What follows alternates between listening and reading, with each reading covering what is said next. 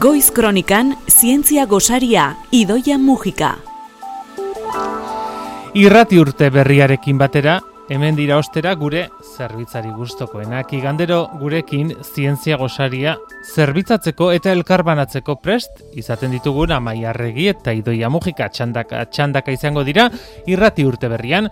Gaur gure tarteko veteranoenaren idoiaren txanda azteko idoia mugika materiaren fizika zentruko komunikazio eta divulgazio ardura ongi etorri. Ostera goiz kronikara. Aika, iso igo, oso gustora etorri naiz gaur goizez. Zer moduzu da? Zoragarria, egia esateko uda kristona. Ba, danak beki ditugu gauzak, baino egia esateko oso oso gustora hartutako oporrak, ez danak behar ginitun oporrak. Alaxe da, aie joan dira, eta gaur entzule, gogoan hartu zientzia gozarionetarako kontzeptu bat. Bioplastikoak. Uda honetan topatu duzu gainera honetaz hitz egiteko aitzakia?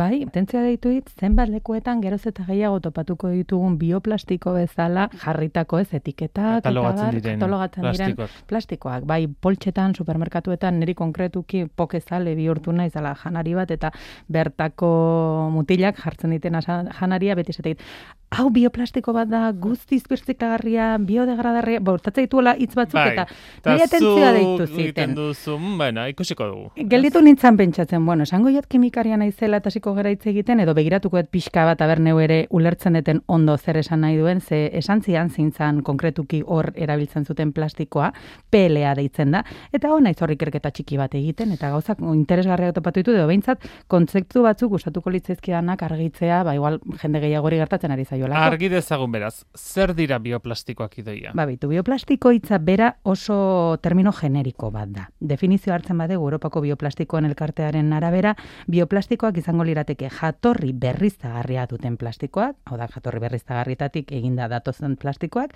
zein oinarri biologikoak dutenak, hau da ba, nola baiteko izaki bizidun batek edo biologiatik ateratzen diranak, eta biodegradagarriak izateko propietatea dutenak. Baina, honek ez du esan nahi, bioplastiko izatea adibidez, biodegradarria izatea mm, dakarrenik. Eta multzo horretan, sartuta egongo lirateke, aipatutako hiru plastiko mota hoiek. Orduan, Claro, honek gauzak asko aldatzen ditu, ulertzen badegu benetan hitz bakoitzak zer esan nahi duen, ezta? Izan ere, iturri berriztagarrietatik e, sortutako plastiko guztiak idoia ez dira biodegradagarriak. Hori da hori da atentzia ditu behar diguna. Gauza bada, nundikan egiten dezun edo nundikan abiatuta sortzen dezun plastiko bat, eta gero beste gauza bada plastiko horrek izango dituen propietateak, ez? Orduan, oso artikulo polita publikatu zuen kultura zientifikoko katedra, Jon Kepa izagirra ditzen da gila, eta topatuko duzu beraien blogean kultura zientifikoko katedran, eta han, asaltzen dute grafiko batean ere ustez oso argi e, ulertzeko hemen saiatzen saiatuko naizenani esplikatzen, ez? E, berezi ditzagun lau gauza, aldi batetik. Iturri berrizagarrietatik etortzen diren plastikoak bi motatakoak izan daitezke. Biodegradagarriak edo ez. ez. Beste aldetik, nundik abiatzen gea, iturri ez be, berriztagarrietatik abiatzen bagera, gauza bera batzuk izango dira biodegradarriak, eta beste batzuk ez. Orduan, hau buruan eukita, ja aurre ikusten dugu, hiru plastiko mota daudela, bioplastiko bezala e, kokatu ditazkeunak. Izango liratekela. Iturri berriztagarrietatik etorri diranak eta biodegradarriak diranak, iturri berriztagarrietetik datozenak, baina ez diranak biodegradarreak, hau da, azkenean lortzen duzun plastikoa dela, ba, ontzi horian kokatu beharrekoak naiz eta iturria berriztagarria izan. Ez dela desegingo alegia. Hori da, ez da desegingo. Eta beste atletik, justu kontrako kasua.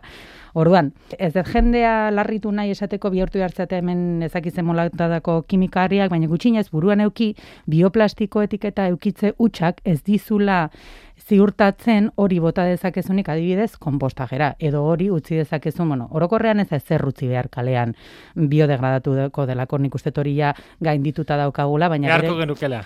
Bai, baina bere garaian bazan idei batola buruan ez, ba igual paper bat bota zen ezakela mendian, ze total biodegradagarria da. Naturak azkenean ia dana biodegradatzeko e, almena dauka. Horrek ez du esan nahi, ba, ze denbora tartean egingo duen. Ze izan ere biodegradagarri deitzeko denbora tarte bat ere ongo da, ez? Claro, hori dagoakoa, zer da biodegradarria? Orokorrean plastikoak esaten da, ez direla biodegradagarriak denbora tarte hori bosteun urtera joten zaizkigulako. Plastikoari nahiz egiten plastiko arruntak. Orain arte ezaguna ditugun polietilenoa, polipropilenoa, horrekin ere ohitu behar gera, ez? Ba, erosten dugunean plastiko bat ikuste etiketan, triangelutxo batean dator sartuta, ze plastiko mota daukan. Ba, pixka bat bioplastikoekin gauza bera egin beharko dugu, sartu beharko dugu burua. Ba, zerbait gehiago sartzea dela, baina nola ja merkatuan dauden eta kalean daude, eta baita ere pixkat kontu zibili, ze hain errax esaten dugunean, nola, nola bioplastikoa dan, ba, gastatuko den nahi aina, ze, ba, ni badakit bere borondate honarekin egiten zuela, mm, ba, niri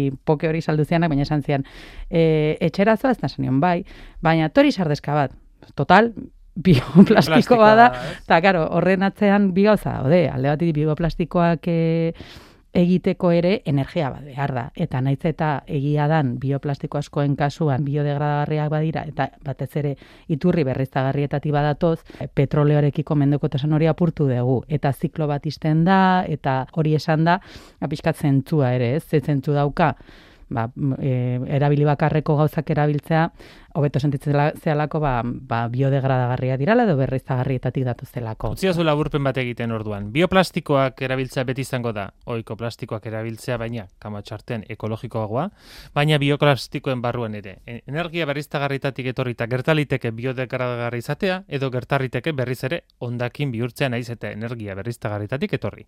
Eta energia orgarikotik edo datozenen kasuan ere gertaliteke biodegradagarria ez izatea. Beraz, Zoragarri. Arretaz, e, jarraitu beharko de, jarraitu behar dela bioplastikoen kasuan ere. Hori da. E, ez delako, e, bioplastiko guztiak ez direlako e, gauza berbera.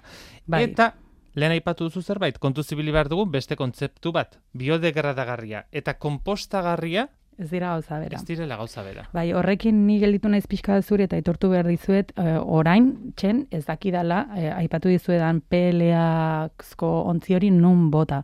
Ze alde batetik, uh, izan zidan mutia kompostagarria zala, eta begiratzen egon naiz, eta behintzat biodegradagarria bada. Bai. Orduan, ez dakit bota, ontzi horira edo bota kompostagera. Epe nahiko motzean, desegingo dela, baina e, beste gauza batera kompostagarria izatea. Bai, ze kompostagarria izateko definizio hartzen badegu, e, konpostajea gizakiak sortutako prozesu bada. Orduan, araueraren arabera, Europako arauen arabera, araueren arabera polimero bat, or, polimero hitza da hitz teknikoa plastiko orokorra esateko, konpostagarria dela esan dezakegu, baldin eta sei hilabeteko epean, konpostaje industrialeko instalazio batean gutxinen euniko larogeita marra mikro, mikroorganismoek karbono emisio urtzen badute.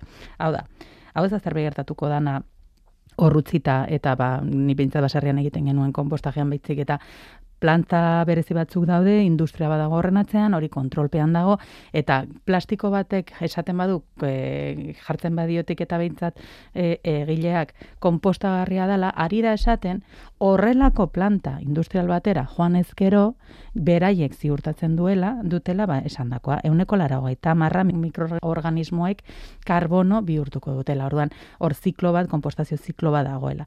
Orduan, kakotxan artean hartu gauzak. Hori da, eta bioplastiko entzuten dugunean ere, e, beti esaten dena, ez? E, zenbat eta gutxiago kontsumitu horrek utziko duela, beti, beti, beti, urratz ekologikorik, txikiena. esan nahi zen igun, azkunde handia aurrikusten e, zaiola bioplastikoen ekonomia honi urrengo urteetan, baina denbora gutxi xamarrekin gabiltza, eta beraz, azken fasera, eh, gaurko zientzia gozariko azken fasera pasako gara idoia, zer zer ikusi dute bioplastikoen mundu honetan patatak eta almidoia. ba, beti esaten detena, ez? Osea, azkenean beti natura eta zientzia badirudi e, etxaiak direla eta ez da horrela inundik inora naturan topatzen ditugu ba, plastikoen oinarri garrantzitsuenak. Esateko, patatetan. Patatetan badago kateluzeko molekula bat oso kateluzea. Zagun egiten zaigu ez, almidoia. Almidoia, bai, almidoia ere beste zenbait lekutan erabilizan dugu, baina, bueno, danok dakigua esaten dezunean. Arrozari almidoia kentzeko guretati pasa, patatari almidoia kentzeko, bueno, ba, almidoia hori molekula luze bada, eta molekula hori da bioplastiko askoren mm. oinarria, hortikan oinarrituta. Jatorri eh, organikotati datozen bioplastiko askoren oinarria. Oinarria, patatetan dago, jukan dago, ba, almidoian e, aberatsak dira diran produktuetatik abiatzen da, ez? Orduan ni proposatuko dizuet etxen egiteko esperimentu bat, ba zebe bihurtzeko baitare ba ikerlari eta zebe bihurtzeko detektibe txikiak, ez? Almidoia detektatzea oso erraza da etxen. Izan ere, baldin badokazue iodo, badakizue iodoa ba zauriak eta sendatzeko bere garaian asko erabiltzen Marka bat esango dugu agian ezagunera betadine. Bai, betadine, bai, betadine da normalean ba potetxo hori hori. E, hortikan, horrek e, lagunduko digu jakiten gude nahi dugun ba, produktuak janaria normalean, almidoia daukan edo ez. Ze oso erreakzio polita egiten du almidoiak jodoarekin. Prestatu zazue edalontzi batean urpitxin bat eta tanta batzuk jodoa bota, eta hori erabiliaz jun gehitzen e, disoluzio hori, jun gehitzen ur, ur hori hori, adibidez arrozera. Ikusiko duzu arroza jartzen dela morea morea, urdina, segun eta zenbat jodo bota dio zuten, baina oso... Kolore aldatzen zaiola. Bai, umeekin egiteko oso esperimentu polita. Horrek normalean... almidoia duela. Almidoia duela. Almidoia duenean, almidoia da oso, esan dako oso kate luzez osatutako polimero bat, eta polimero hori bildu egiten du, ba, ari bat izango balitz bezala, jodozko molekula bat. Jodoko molekula hori lotuta izango bagenu bezala, ba, bilduta hor polimero batekin, eta sortutako egitura berri horren kolorea morea da. Ez da hori argia, orduan oso polita da bidez egiteko, ba, aldetzen dio zu arrean dakazunari. Aber, hau txuria da, hau horia da, zer pasatuko da nazten ditugunean, eta intuizioak esate dizu, ba, argitu egingo dala hori hori, eta izango dezula hori argi bat, eta derrepente asteratzen da inundik, more kolore oso, oso bizi kolore bat, eta erreakzio hori gertatu dalako. Ez da erreakzio bat, azkenean hori, oso erraspuskatzen da pixka bat astintzen dezunean jodoa berriz ere evaporatu egiten da eta gelditzen zea berriz ere material txuriarekin hori ere polita da ikusteko baina bihurtu zaitezkete ba detektibe txikiak, ez? Eta bilatu almidoi aztarnak zuen sukaldetan. Ura eta jodoa eta janari pixka bat horretarako neikoa ba esperimentu honekin lehenengoa irrati urte berrian kitxo Idoia Mojika, materiaren fizika zentruko komunikazio eta divulgazio ardora una placer bat izan da beti bezala, datorren astean gehiago. Baitan eretzat ere, aio!